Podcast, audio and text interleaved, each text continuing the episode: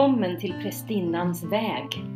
Jag heter Elin Heil och i den här podden kommer jag och Veronica Näslund att dela med oss av all vår erfarenhet och kunskap om att vandra som prästinnor och häxor. Att vandra med gudinnan helt enkelt.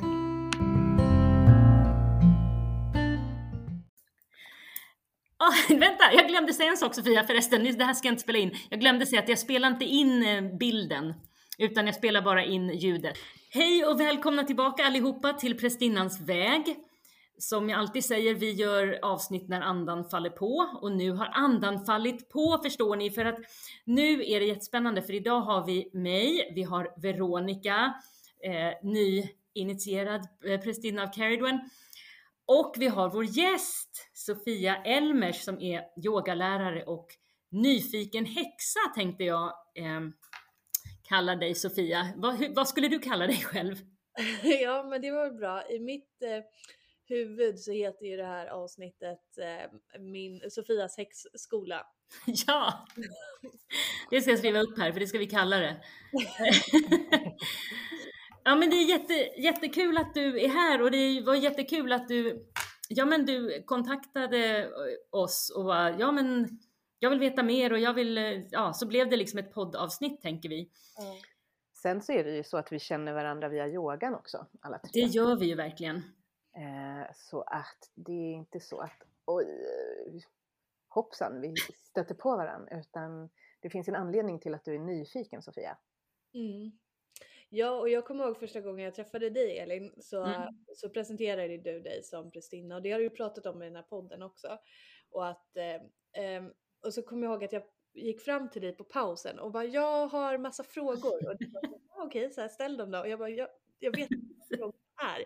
Kan du bara berätta allt?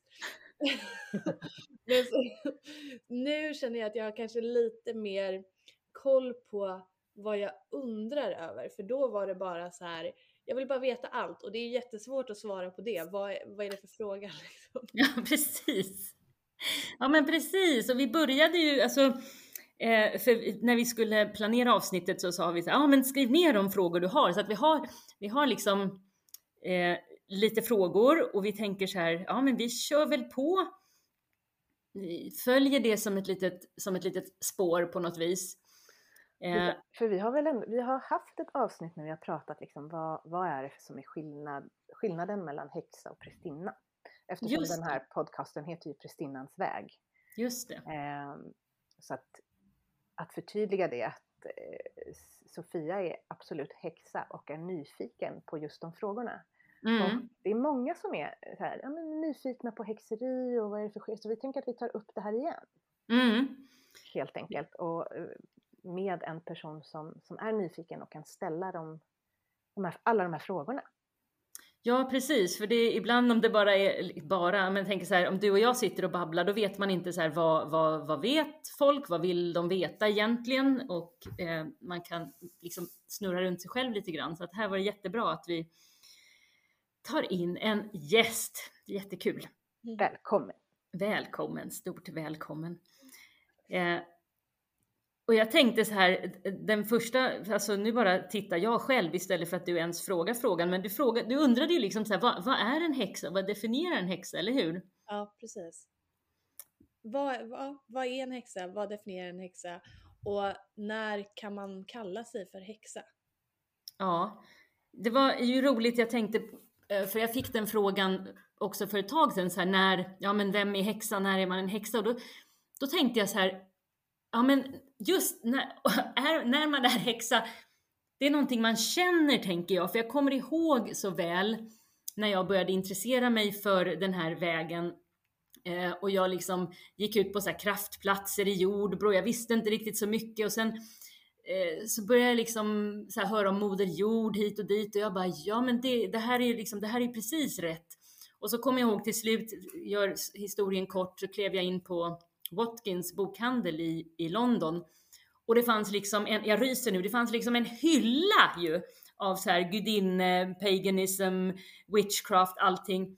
Och inte förrän då fattade jag så här att jaha, det finns jättemånga andra som tänker samma sak och som är intresserade av samma sak och som känner det här liksom naturens magi, även om jag kanske inte visste riktigt vad det var. Men då tänkte jag så här, eller jag tänkte, jag tänkte nog inte att jag var häxa då, men det är, det, det, är, det, det är den känslan jag har nu, att liksom eh, jag tänker att man behöver inte göra så mycket för att man ska kalla sig häxa, utan man liksom vet på något vis att det här tror jag är min väg, att liksom, jag skrev ner några saker så här, naturen, att det finns liksom en levande själ i naturen, att, att man kan känna gudinnan eller gudens eh, kraft, energier i naturen eh, eller omkring sig. Man pratar om att det är animalistiskt. Ja. Man tänker animalistiskt, att allting har en själ. Precis. I naturen. Och jag tänker det här med cyklerna, eh, att man, jag tänker att när man, när man börjar känna det här, liksom, närheten till naturen och den här, att det finns magi i det och att det är någon sorts närvaro, att man då börjar mer notera så här, årstiderna, cyklerna, att man börjar följa kanske högtiderna och fira dem. Jag tänker Veronica kom in här för jag bara, jag bara babblar på. Men jag tänker rent historiskt så ordet häxa kommer från tyskan, tror jag. Tyskan eller belgiskan, alltså häxen. Eh, och översatt så är det tunriderska, alltså det är en person som har ena foten i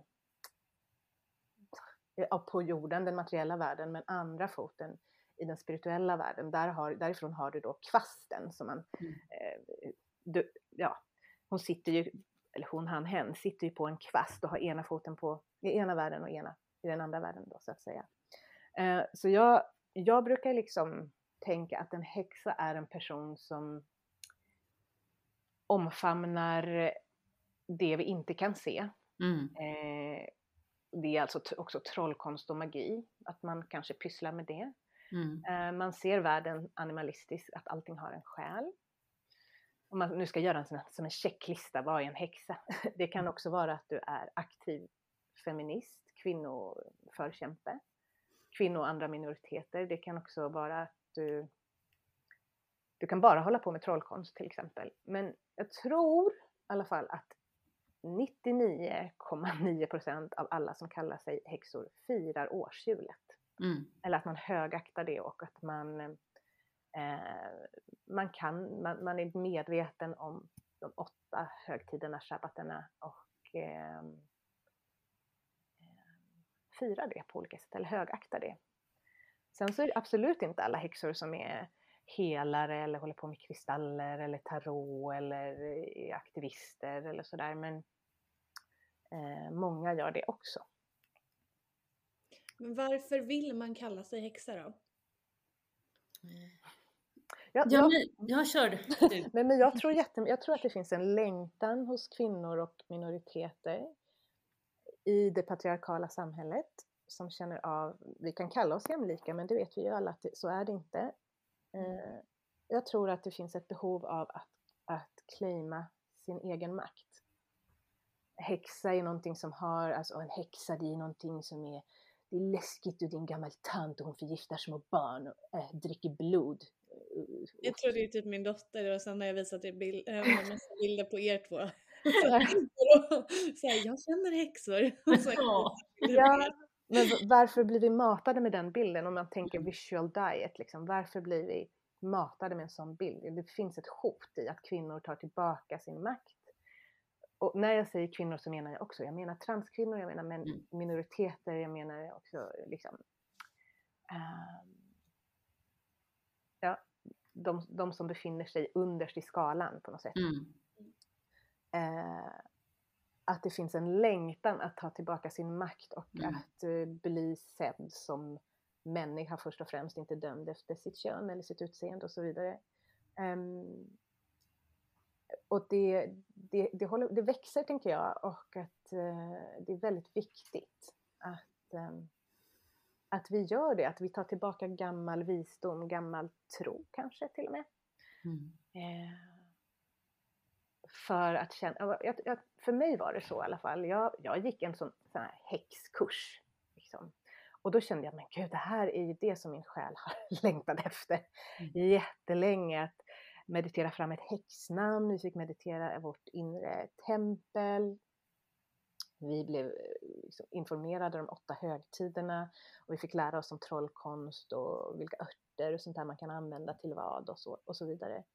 Eh, och därifrån är steget inte så långt till att man kanske börjar läsa om Wicca och då finns det en författare som heter Scott Cunningham som har en bok som heter A Solitary Practice, Practice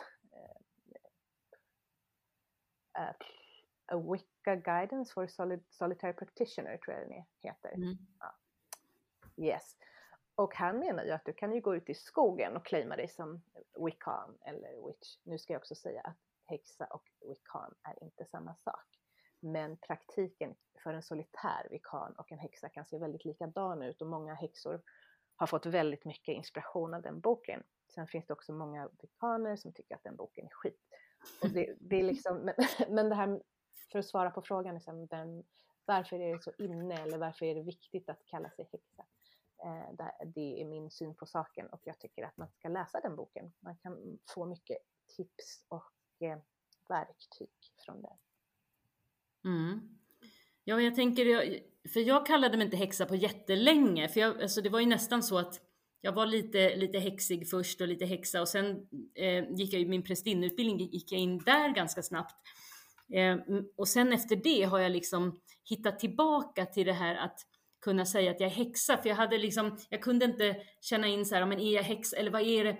Och sen eh, så, eh, så, så för mig handlar det precis, ja men eh, allt det som du har sagt egentligen och just det här att, att jag kan finna sån kraft i det, min, min liksom eh, feminina, kvinnliga, starka, jordiga kraft, att, att jag har rätt att stå i mig själv, i min kraft. Och då kan jag inte säga så jaha, men kände jag inte det som prästinna då? Jo, det gjorde jag väl. Men det är ändå något så här, det är så här nyanser som liksom flödar fram och tillbaka och den kraften som jag hittade i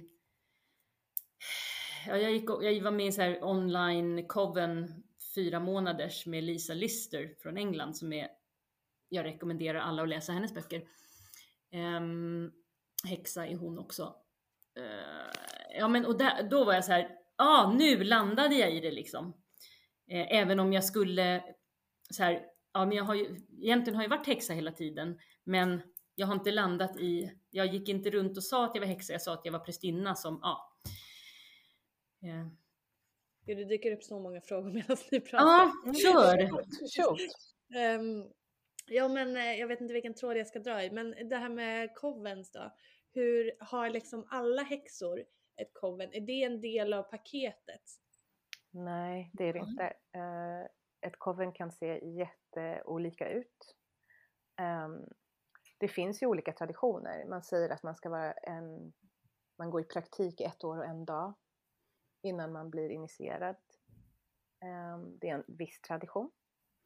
Ehm, och sen har man, när man har sökt det där så menar, har man menat på att det, är en, att det är en sorts skuldsanering det där ett år och en dag, att det egentligen kom från eh, när, när kungen var ute och, och kom till, liksom, eller hans rådare kom och, och skulle samla in pengar och, och skulder och sådär, att man, man hade ett år och en dag på sig att betala, alltså det, det var något sånt där. Eh, nu kanske, eh, jag är inte helt ute och cyklar, men det handlade faktiskt om ekonomiska frågor. Men eh, det vet jag att en, ett coven kan vill gärna att du går i lära kanske ett år och en dag innan du blir initierad.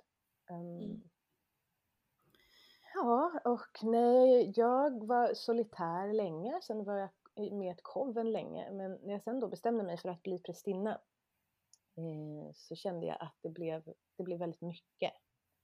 Eh, och eh, det var inte så jättesvårt för mig att liksom jag hade redan claimat mig som häxa och kunde mycket om kovenarbete. Så att sen gå in i, i en prästinnepraktik um, ehm, var för mig inget, inget nytt.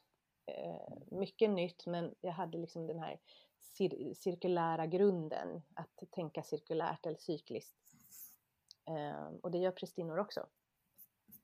Um, så nej, du behöver inte ett coven. Du kan praktisera äh, solitärt, men du kan också du, man kan äh, sträcka ut en hand till ett coven om du är intresserad eller så sträcker de ut handen till dig. Eh, mm. Många är ju väldigt kanske hemliga. Och ja, jag tror, jag tror att det finns så här, man kan kolla upp det där på sociala medier till och med om det är Covens som söker medlemmar om man är intresserad.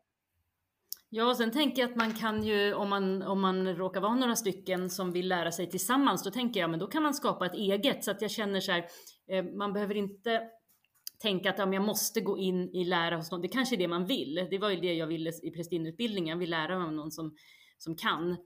Men man, man kan ju också vara så här, men vi är fyra stycken eller tre stycken eller två stycken. Vi bildar Lidet Coven och vi läser tillsammans, vi firar högtiderna, vi liksom lär oss eh, hur man skapar ritualer, ceremonier, hur man liksom reser i meditation. Så jag tänker, om man har turen att hitta några likasinnade runt omkring sig som, som har tid eller, och lust, så tänker jag att det går ju lika bra det också. Mm. Ja, verkligen. Det covenant jag var delaktig i, vi lärde av varandra hela tiden. Vi hade en översteprästinna som kunde eh, och så, men att våra shabbatar eller högtidsfiranden handlade väldigt mycket om att alla skulle ta med sig eh, mm. någon, det kunde vara en dikt, det kunde vara mm. information om någon gudinna eller gud, mm. det kunde vara om, eh, jag kommer ihåg en, ett tillfälle så pratade vi väldigt mycket om voodoo. Sådär. Så alla fick ta med sig lite olika information och eh, att vi förkovrar oss hela tiden. Jag tror att det är viktigt också för både häxor och prästinnor att man, att man hela tiden mm, förkovrar sig och, och skaffar information och fördjupar sin egen praktik. Mm. Ja, för det är ju så, jag tänker det, det är det som är så häftigt och det kanske det är såklart det med allt i livet, men jag älskar det att man liksom prästinnans eller häxans väg, den liksom den tar verkligen aldrig slut. Man lär sig något nytt, man ändrar riktning, man hittar något liksom, nytt sätt att göra saker eller ta in liksom, influenser från annat man lär sig av någon. Och, eh, jag hade en, eh, någonting jag skulle säga med det, men jag glömde bort. Så att, eh, ja. Jag kan fråga en till sak då. Mm. Om eh, högtiderna. Eh, de, jag har inte så bra koll på dem, men jag känner igen namnet på, på några. Eh, och är det samma, heter de ungefär samma sak i olika traditioner? Eh, alltså som eh, typ inbolk och eh, eller är det liksom, heter de på svenska, är det fornnordiska, är det liksom höstdagjämningen? Nu kanske inte det mm. där var samma som jag nämnde, men eh, ni förstår frågan tror jag. Mm. Mm.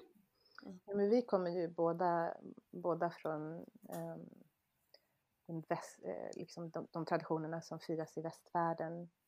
Eh, och, och, ja, de heter lika men eh, många, många faktiskt har börjat ta bort ordet ostara och ordet maboom because, because jag är så himla internationell.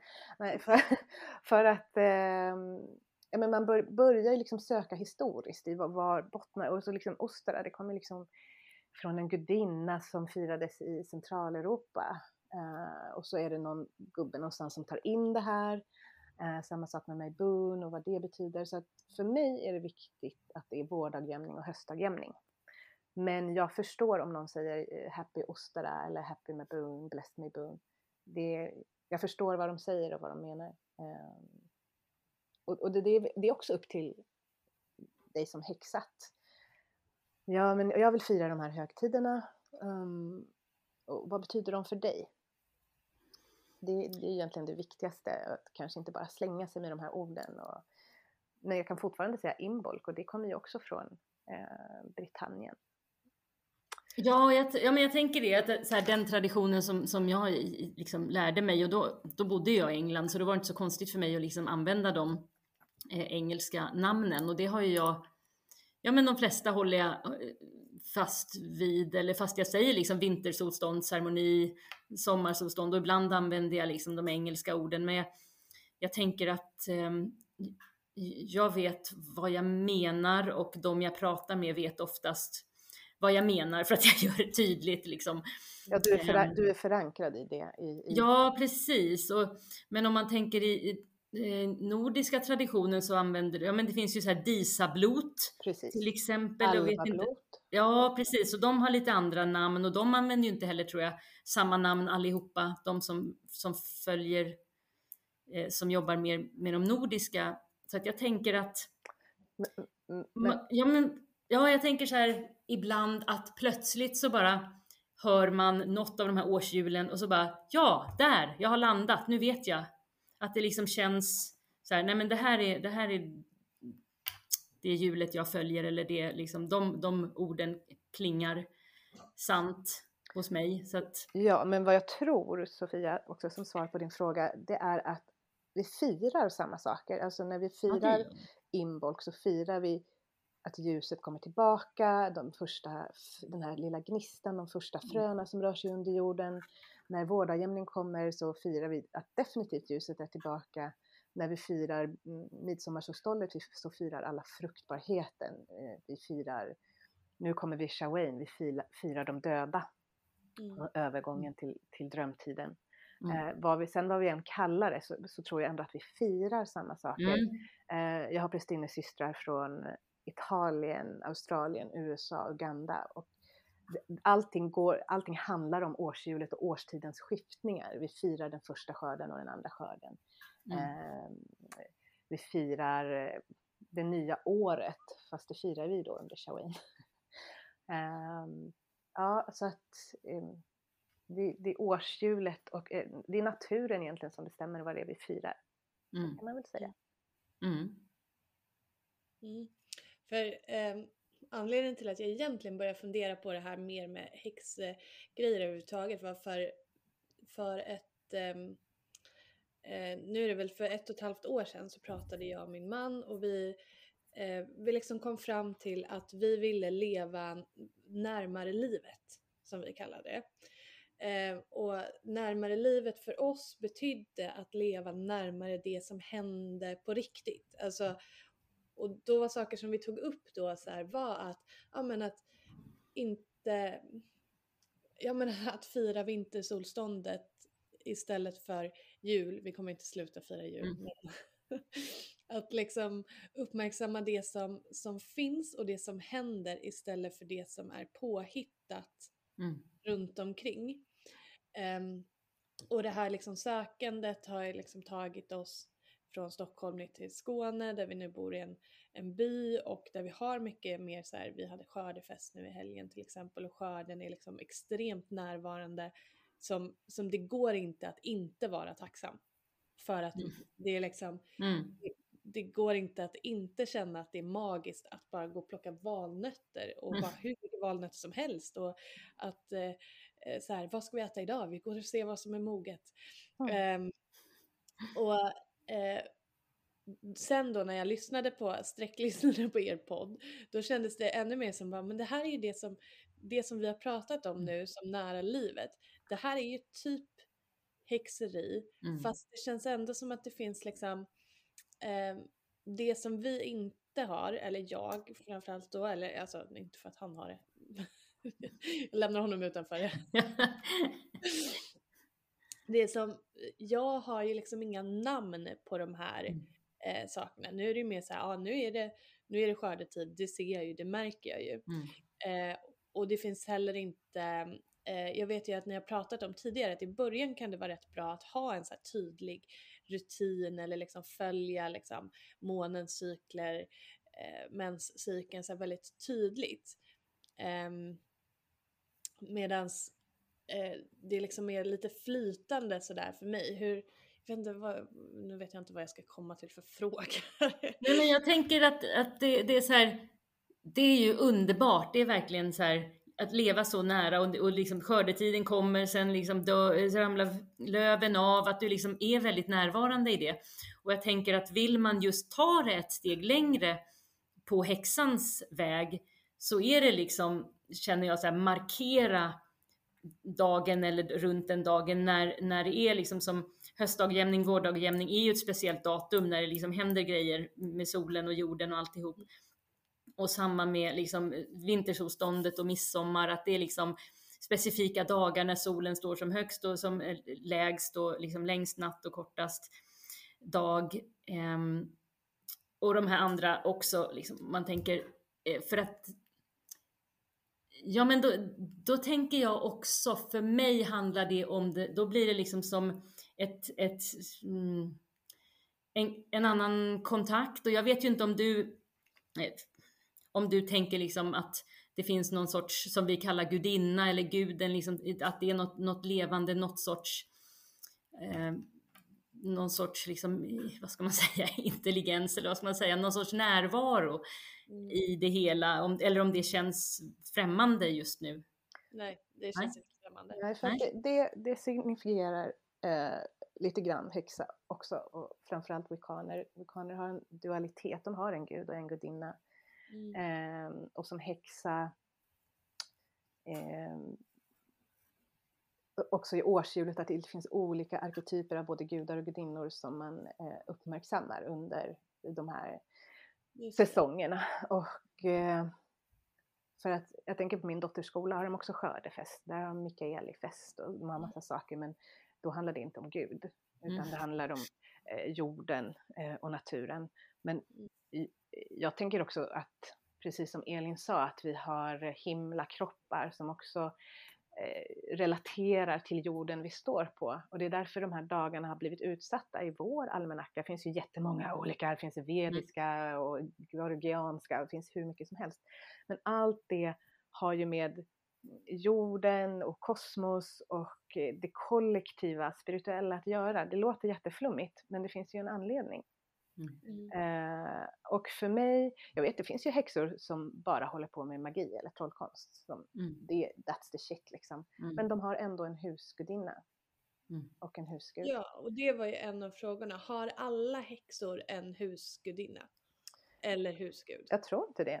Nej, jag tror inte det heller. Och jag tror så här att det, det liksom eh, skiftar, tänker jag. Jag kommer inte ihåg vem om jag hade någon från början och sen såklart när jag gick i liksom prästinneutbildningen då blev det ju mest så här, Lady of Avalon som var liksom energin i mitten av hjulet och sen alla ansiktena runt omkring. Eh, och sen är det så här, ja men sen har jag dragits jättemycket till Freja och till Kali eh, till exempel och till Caridwen och det har varit liksom, ja men de har varit så här, eh, de som jag har känt, ja men känt något extra eller någon extra närvaro, liksom att jag har känt dem extra starkt och, och tänkt att ja men det är någonting där. Um, det, det, finns, det ja. finns ju verkligen häxor som, um, ah, men det här namnet har jag aldrig hört och det kom till mig i en meditation och sen får de reda på, ja men det är den här gudinnan från mm. slavisk tradition, så bara shit, mm. och hon står precis för det jag, eh, där jag står nu eller som jag mm. behöver nu. Det är ganska fascinerande. Mm. Eh, och för mig, jag kan också säga det, så att jag, ja, men jag skulle meditera med gudinnan, jag gick till min favoritskog och så satt jag där. Då kommer Tor. Det här låter ju det här låter skitflummigt, jag vet det, men, men så här var det för mig i alla fall i min meditation. Och jag säger till Tor, vet du, jag kallar dig på gudinnan, jag vet inte vad du gör här. Han bara, I don't give a shit. I, princip. I princip. Ja, ja, nej men det var, och, och eh, som häxa och prästinna, då var jag studerande, men som häxa eh, så ska man nog lyssna på det där. Det är väldigt mm. spännande mm. att se för att man tänker, det är väldigt, väldigt coolt medium som jag känner. Hon sa till mig en gång så här, universum finns inom oss och vi har så mycket visdom inom oss. Och egentligen som Elin sa också, det här, det här är vad jag tror, eh, min ståndpunkt, att vi har det här inom oss, det är liksom i vårt DNA, men det måste bara få väckas till liv. Och det mm. finns det olika sätt att göra det på. Och som sagt, några häxor har inga, inga gudar och gudinnor som de vänder sig till. De håller kanske bara på med trollkonst och magi och förbannelser. Och mm. Do your thing girls and boys, non-binaries, gör det. Eh, ta gärna ansvar för dina handlingar också. Eh, mm. och eh, en del är som sagt, det, det kan vara ett, ett politiskt kall. Till exempel att man vill skydda naturen, skydda jorden eller eh, slåss för kvinnorätt.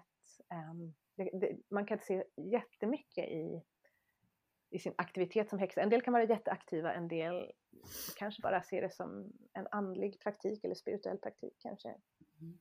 Mm. så just ordet häxa, det är som, det är som ett paraply mm. av olika eh, det är ett paraplynamn och jag tänker att ingen äger det ordet. om du och din man vill kalla er häxor för att Jag ni har... tror inte han vill det. Nej. Eh, Nej.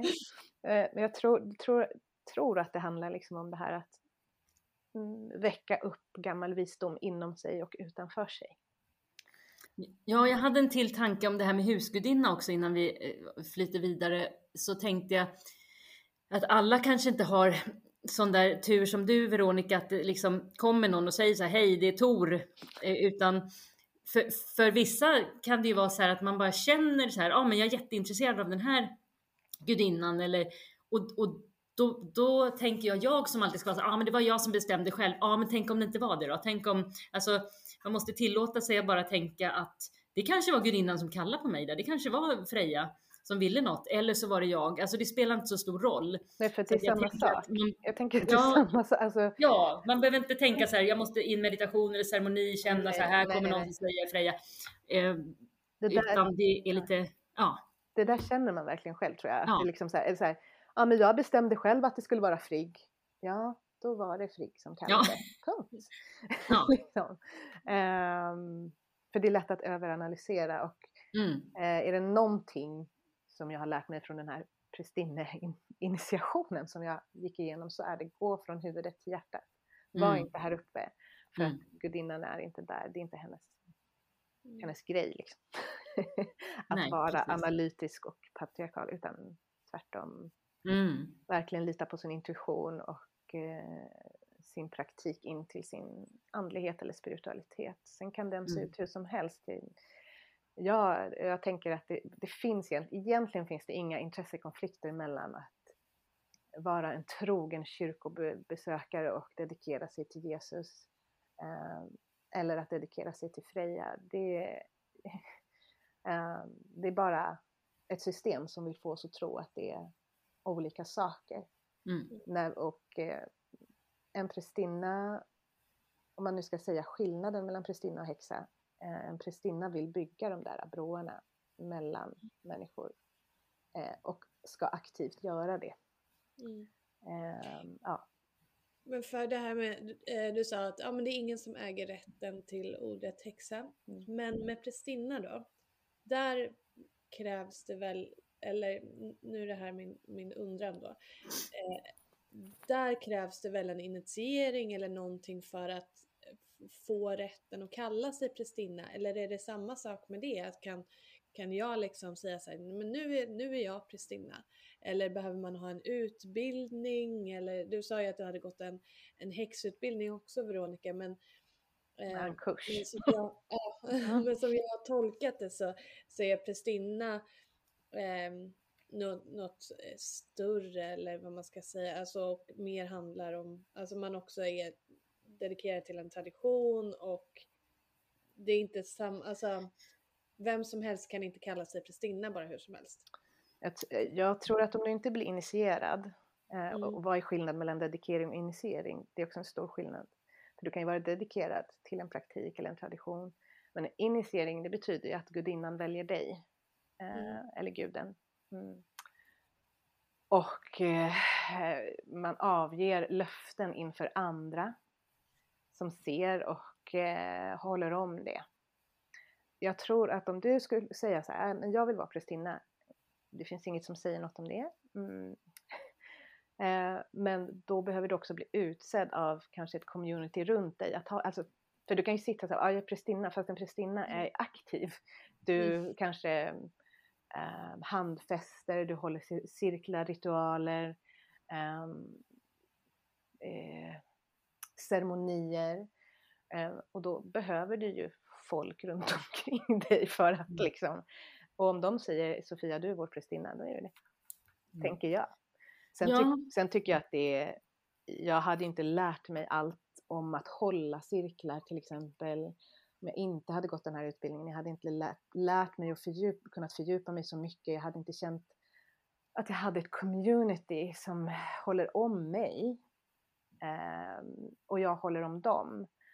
Eh, under vår initiering, innan vi liksom gick in i the sacred lands, då hölls det en atame, vilket då är en sorts dolk eller kniv, som håll, håller, den hölls mot halsen. Det här är jättedramatiskt, men det är så här, är du beredd? Alltså vill du det här? Och, alltså, lovade in på mitt blod och på den här knivspetsen att aldrig svika mitt, eh, mitt community och mig själv och min dedikering till gudinnan. Och det är starka kraftfulla grejer. Mm. Eh, och jag tänker att som prästinna så, så vill du ha den initieringen. Um, men jag personligen skulle liksom, som jag sa, om du, du börjar hålla cirklar och ceremonier där du bor och du har ett community runt dig som ger dig den platsen, då är du ju en prästinna. Mm. Men vattnar inte det ur begreppet eller ordet lite grann då? Jo, alltså jag, tycker, ja, men jag, håller, jag håller med, all, jag är så här på båda sidorna för att jag håller verkligen, jag tänker så här, om, om man känner så här, ja men jag vill kalla mig prästinna, okej, okay, det kan du göra, så här, vem, det kan man göra om man känner det, men, då, då, men samtidigt känner jag så här, eh, Men skulle inte din första fråga då, Elin, vara vilken tradition? Ja, eller jag tänker så här, för ens egen skull, jag känner så här, hur skulle jag kunna kalla mig prästinna utan att ha gått igenom mm. eh, en sån utbildning som jag har gått igenom. Så för, för på ett sätt är jag så här, ja men vill du göra det så gör det, för det är, bara, det är liksom du som står för det som, som säger det. Men, men för mig är det verkligen så här, jag behövde eh, både liksom utbildningen i liksom, ja men om gudinnorna och allt, men, men det är den här fördjupningen i landet, i energierna, hur, hur känns gudinnorna när de kommer? Det, det är liksom någonting som, som kräver en, en riktig dedikation och år av arbete.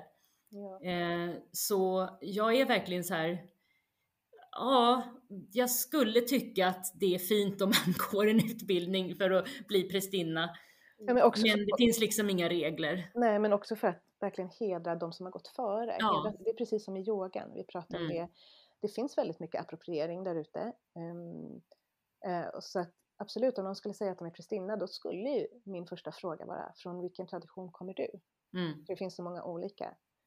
Um, och det finns enormt mycket cirklar där ute som liksom, ja men nu har jag en cirkel så blandar jag in en kaka och böna för att det tycker jag är mm. coolt och för det gör alla nu och så tar man in lite ärkeänglar för jag känner att jag har haft lite kontakt sådär det är inte fel i sig, eh, kanske.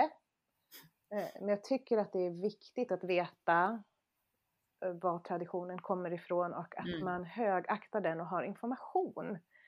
Eh, och om man dessutom tjänar pengar på det, då tycker jag att det är superviktigt att kunna veta vad man, vad man representerar och vad man gör. Ja, sen tänker jag att, jag, jag, märker ju själv hur jag låter ibland och då tänker jag också att så här, egentligen borde jag tycka så här, ja, jag tycker du ska gått en prästinneutbildning. Eh, men så är jag så här, nej, men då tror jag att jag är lite bättre än alla andra. Alltså, jag har så här svårt att och för, för, för mig låter det då som om jag skulle tycka det på något vis och det tycker jag ju inte. Så då är jag så här, ja då måste jag tillåta det där också. Men, men, men, men när jag vet liksom hur en prästinneutbildning är och vad den har gett mig så är jag så här, jag skulle aldrig kunna göra det jag gör nu och det har ju tagit mig liksom 20 år att nå hit liksom. Jag skulle aldrig kunna, jag skulle aldrig kunna gjort det på egen hand. Jag skulle aldrig kunna nått så djupt. Liksom ner i spiralen, upp igen, ner igen, upp igen. Liksom frukt, ja, men jobbigt som fan, mm. underbart som fan. Mm. Eh, och det, jag skulle aldrig kunna gjort det på egen hand. Så att, eh, där tänker jag så här, ja där har jag rätt att kalla mig prästinna. Så att, ja, men att, eh, att vara, vara prästinna tror jag vi kan vara överens om att du behöver ett community. Du mm. behöver ett sammanhang för mm. att vara prästinna i. Um, ja. Så, så prästinnor arbetar liksom mer då utåt skulle man kunna säga, men mm. som häxa så skulle man kunna bara så här, göra sin egen grej, behöver mm. inte Nej, som... och ett koven, liksom, kov, som koven kan du, häxkoven kan du fortfarande göra allt, liksom, eh, du, kan, du kan agera politiskt och ni kan, man firar oftast högtiderna tillsammans på olika sätt och så, och så vidare.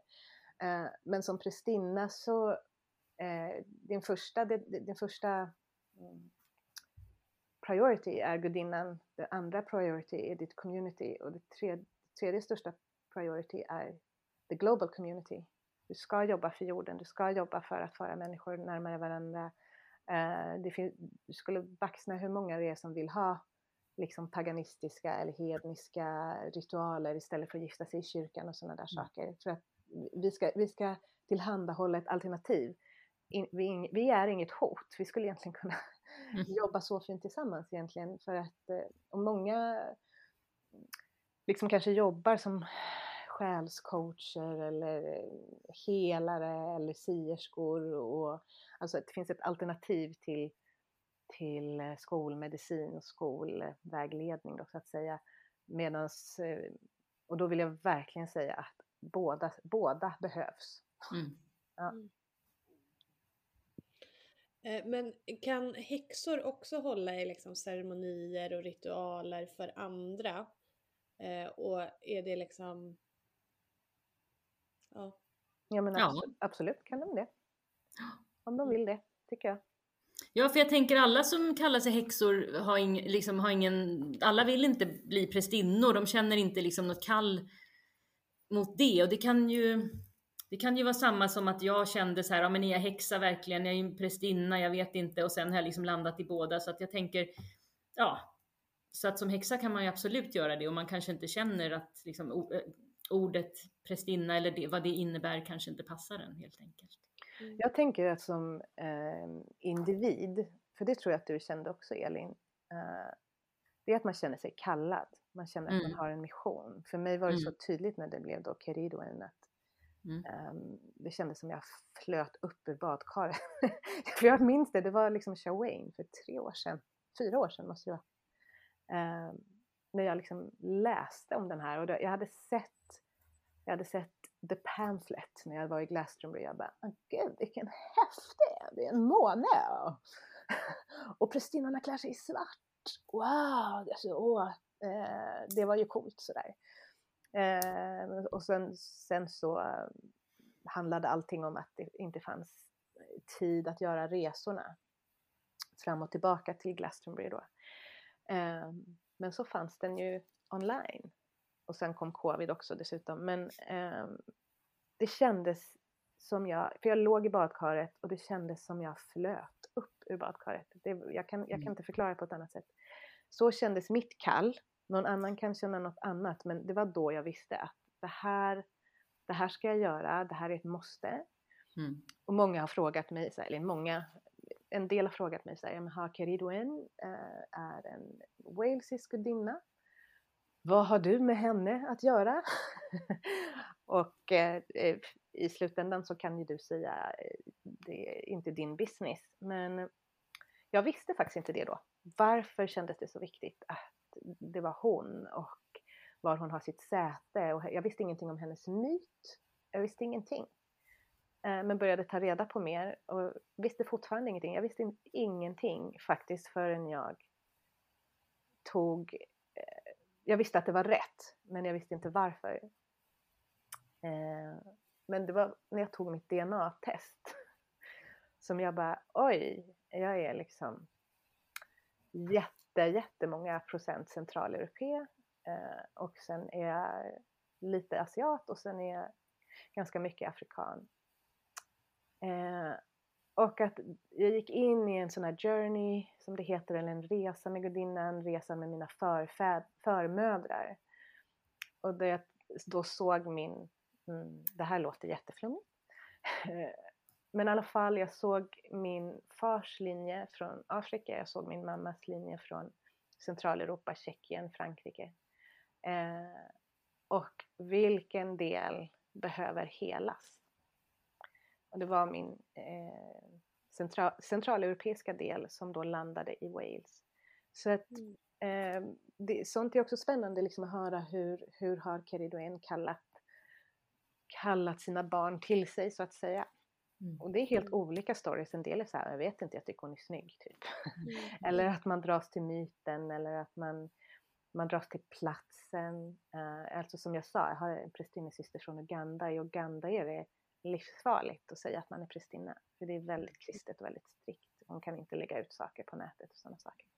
Mm. Men hon känner sig, känner sig också kallad, eller många italienska häxor och USA inte minst. Och också äh, systrar från Tyskland och Österrike. Så att, äh, i slutändan så spelar det ingen roll vilken gudinna som kallar dig, men man känner kallet så lyssna tänker jag.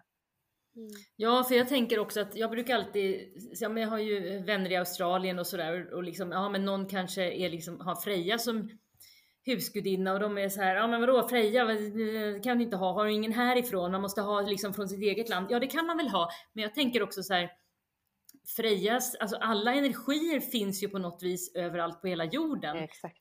Och det kanske, ja men då känner man den där eller så känner man den som man upplevde den när man var här i Europa eller vad som helst. Jag tänker att att det inte är, det är liksom om man snöar in sig på att ja men Elin varför inte du prästinna för de nordiska? Ja jag, vet, jag hamnade inte där, det var inte det som kallade mig utan det var liksom det var Avalon som kallade mig och jag visste inte ens liksom jag hade ingen aning om vad en prästinneutbildning var egentligen. Vad ska man göra? Vad kommer hända? Ingenting. Det var bara så här, nej men det är där jag ska vara, det är där jag ska gå.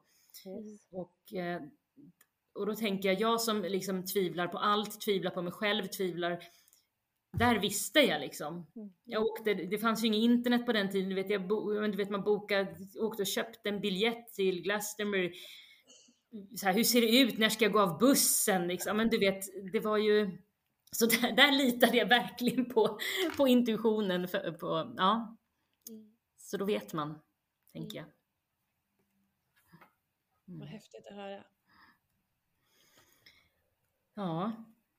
Vad har vi mer? Har vi, har vi täckt allt? Har det kommit upp några nya, några mer? Det är säkert tusen frågor, men är det något, något som du ja, men Jag tror att jag, vi har nog pratat om nästan alla frågor som jag har skrivit här på, på min lista. Själva huvudfrågan var ju liksom så här, hur, hur blir man häxa? Mm. Det tänker jag ändå att ni har, har svarat på. Att eh, så, här, så som jag tolkar era svar då, att fira de här högtiderna, de liksom astrologiska högtiderna, man får kalla dem vad man vill, och att ehm, eh, ja, men leva, leva cykliskt. Mm. Med, precis. Absolut. Gå ut i skogen och claima din kraftplats. Mm. Um, ha gärna ett altare. Mm. kan vara fint. Det är fint. Um, och de fyra elementen brukar vara viktigt för häxorna. Uh, trä, luft, nej trä, jord, luft, eld och vatten. Mm. Uh, och de finns också i olika riktningar i det här årshjulet. Det kan vara olika i olika traditioner. Ja, jag skulle precis fråga. Jajamän, det kan vara jätteolika faktiskt. Men det är också att du använder, använder de här elementen när du utför trollkonst eller magi. Det är element som finns inne i kroppen eh, och utanför kroppen. Mm. Och eh, ja, elementen är också en liten grundregel, bara att ha koll på vad, vad det är och vad man gör. Ja, för det var där jag började min egen, när jag liksom började praktisera själv, då hade jag en jättefin bok och då, då var det liksom, man spenderade en månad med varje element och verkligen noterade så här, ja men vad gör luften omkring mig? Hur känns den när det är en sommardag, när det är vind? Vad kan liksom, ja men där blåser en plastpåse över vägen och där liksom blåser träd ner. Att, de olika krafterna i elementet, hur, hur kan jag känna dem inom mig? Och det är ju kanske lite svårare men, men eh, jag tänker att om man ger sig tid, för det är det jag tänker också, att man, man måste ge sig själv tid till det här och liksom eh, det går inte att lära sig allt på en månad utan det, det, det, det som är så härligt är om man följer cyklerna, årstiderna, så kommer man ju till alla högtiderna, man kommer till alla elementen, man kommer till alla olika, till gudinnans alla olika ansikten, liksom ett i taget och när man har gått igenom ett år, ja men då går man in på ett djupare plan, liksom ett år till. Det är det som är så fint. Just det finns alltid något nytt. Ja, just att det blir djupare och djupare. Därför eh, spiralen eller labyrinten är eh, en sån stark symbol både för häxor och prästinnor. Eh, mm. Ehm, för jag, jag, vet att jag alltid varit så här, eller när jag, alltid, när jag började min häxresa så var jag så här, alltså den coolaste, coolaste högtiden, är så här, förutom Shawain, det är Imbolc. Sen året efter, nej men alltså det är Beltane. och nu bara, nej men det är Lammas. och nu kommer det liksom för alltid vara för mig runt höstdagjämningen eftersom jag initierades då. Mm. Um, så att, eh, och man går djupare och djupare och det finns inget, eh, det finns liksom inget egentligen som är så här konstant så här, ah, Beltane är så jävla häftigt, det kommer alltid vara häftigt, jag kommer alltid vara lycklig under Beltane. Eh, för att eh, säsongerna växlar och eh, de växlar i mig också. Mm. mm. Så, ja. Mm. Eh, det, Men, det, är en resa liksom hela tiden. Eh, en sak till om vi hinner prata om det som du nämnde nu igen Veronica tidigare med magi. Det mm. har vi ju inte pratat någonting om. Ja, trollkonst. Ja, mm. ja precis. Eh, hur viktig del är det för prästinnor och häxor? Olika. Ja, olika, för jag är nästan in, jag jobbar inte alls med det. Liksom, vi har, det, det var ingen del av min, alltså, min utbildning i alltså att göra så här magi med, sen kan, man, sen kan jag ju tycka att att hålla en ceremoni är ju magi, att det, det skapar förändring inuti mig. Mm. Men inte sån magi som jag tänker att ja, men jag tar liksom lite lavendel och jag tar vatten och jag gör sig. Alltså jag har nästan aldrig gjort det. Det har inte varit något som har, eh, som har känts för mig. Men Veronica, du har väl lite mer? Ja, eh, ja. Men, men det går också upp och ner. Eh, och, och, ska erkänna att det numera är mycket mer så här protection spells, liksom, om jag känner mig orolig eller om jag eh, vill lägga en protection spell runt min familj, mitt hem, eh, eller en skog eller ett vatten. Eh, sådana saker. Men i början så tyckte jag var, det var skitspännande. Liksom. Ah, nu ska jag göra lite magi för pengar, behöver lite mer cash, eller jag behöver mm. Uh, ja, jag vet inte vad jag behövde. Um, men det finns väldigt djup magi när du liksom kallar in en extra, alltså när du jobbar med energivarelser eller när, alltså det, det finns så mycket cool visdom.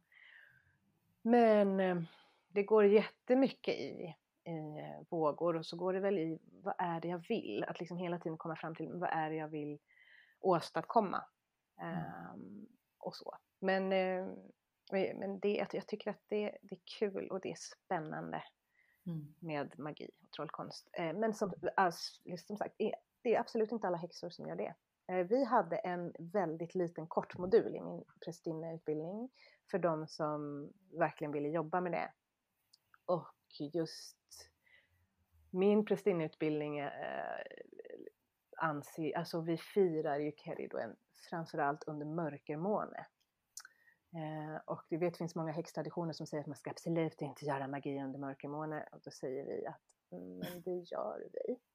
Men att vi man får göra som man vill. Ja, vi, ja. men vi är väldigt noga med liksom då, vad, vad, är det vi vill. Vi gjorde då en ceremoni, eller vi gjorde en, en magisk ritual för eh, domestic violence, då kvinnor som blev utsatta och det var, det var djupa resor, det var att rista in symboler i äpplen och det var liksom var ska, den här, var ska jag lägga detta? Jag ska välsigna den här jorden och jag ska... Det, det är jättemycket, men det var jordmagi och det är oftast lite tyngre, upplever jag. Eh, men annars pratade vi inte heller så mycket om magi, men det var de som var intresserade. Som, och mm. det var ju jag då. Mm. Um, och det är en cool känsla i i det, att också känna att jag har eh, gudinnan bakom mig i detta. Jag tar mitt ansvar, jag äger det ansvaret. Vad är det jag vill uppnå?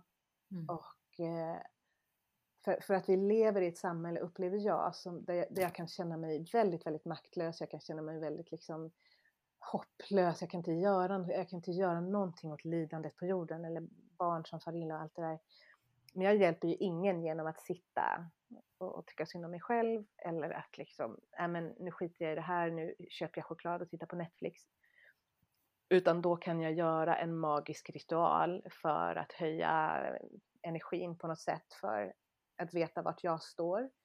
Eh, och det, var, det, det, här tycker jag är intressant, jag tycker det är bra att du sa det Sofia, för att det var ett gäng häxor, prästinnor, som gjorde en, en film för våra medsystrar i, i Iran. Eh, och eh, de, de, fick mycket, de fick, fick så kritik. Det, det var, jag tyckte det var en jättefin film, det var, det var en politisk manifestation. Eh, och då var det, var det några som bara, ah, det där gör ni bara för att ni ska må bra själva, det här hjälper ju inte, hjälper inte kvinnorna där. Så här, uh. Men tänk om det faktiskt gör det. Tänk att, det gör, tänk att liksom någon i Iran får se den här filmen och vet att det finns människor i Sverige, det finns ett hopp. Det kanske är jättelitet, det är liksom inte så här att ja, vi vandrar in i Iran och, och liksom uh, sätter oss ner framför liksom, stridsvagnar. Nej, men vi manifesterar någonting ut i mm. universum, ut i kosmos, att vi står bakom de här kvinnorna som har blivit avrättade. Mm. Uh, och ja, det är jätte, jätteviktigt, både för, för dem och för oss. Även mm. om det är en ack så liten sak. Mm. mm. Kan ses som en liten sak. Ja. Mm. ja. Mer trollkonst i folket säger jag. Ja, precis. Ja, men det kan verkligen, jag tänker just det där att um, att, att det kan att man, man tar tillbaka sin egen kraft. Mm. Jag tänker att det är, det är en jättefin grej. Um, så det kan man verkligen använda magi till, tänker jag. Mm. Och det finns ju många böcker att läsa om man vill lära sig mer om det också. Mm. Eh, jag tänkte att vi har nästan pratat i en timme, så jag tänkte att vi skulle börja avrunda. Mm. Eh, så jag avrundar, så jag hinner till min banjolektion ja, det hinner jag. Det är lugnt, men det har varit, nej men, det har varit så himla fint tycker jag, att vi kunde sitta här och prata. Eh, Sofia, känner du dig att du, det är inget som brinner i eh, håret på dig som du vill säga eller som du vill fråga? Hur känns det?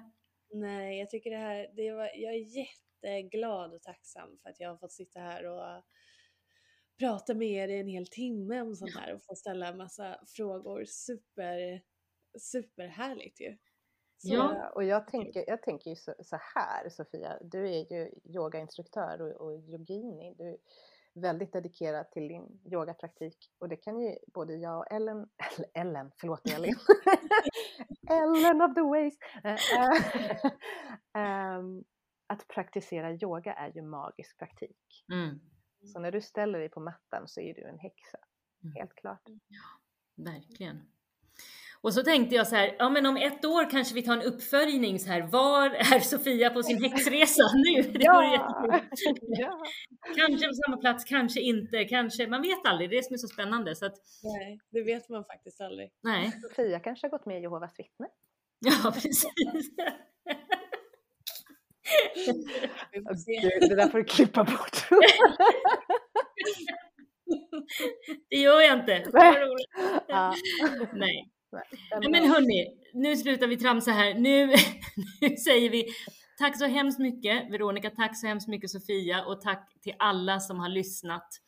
Och eh, vi återkommer så fort vi kan. Vi har en plan på ett nytt avsnitt och sen så har vi en eh, plan till eh, som jag inte har fått igång eh, och sen så måste vi såklart prata om Carrie Dwen och eh, nu när du har gått klart din utbildning Veronica, eftersom vi har mm. pratat om det i två avsnitt, liksom när du var på resan.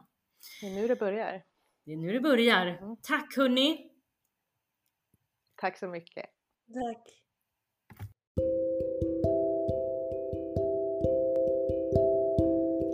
Tack för att du lyssnar på Prästinnans väg. Du hittar mig, Elin Heil, på elinheil.com och och eh, på sociala medier som Avalon Yogini. Och du hittar Veronica som veronicasierska.com.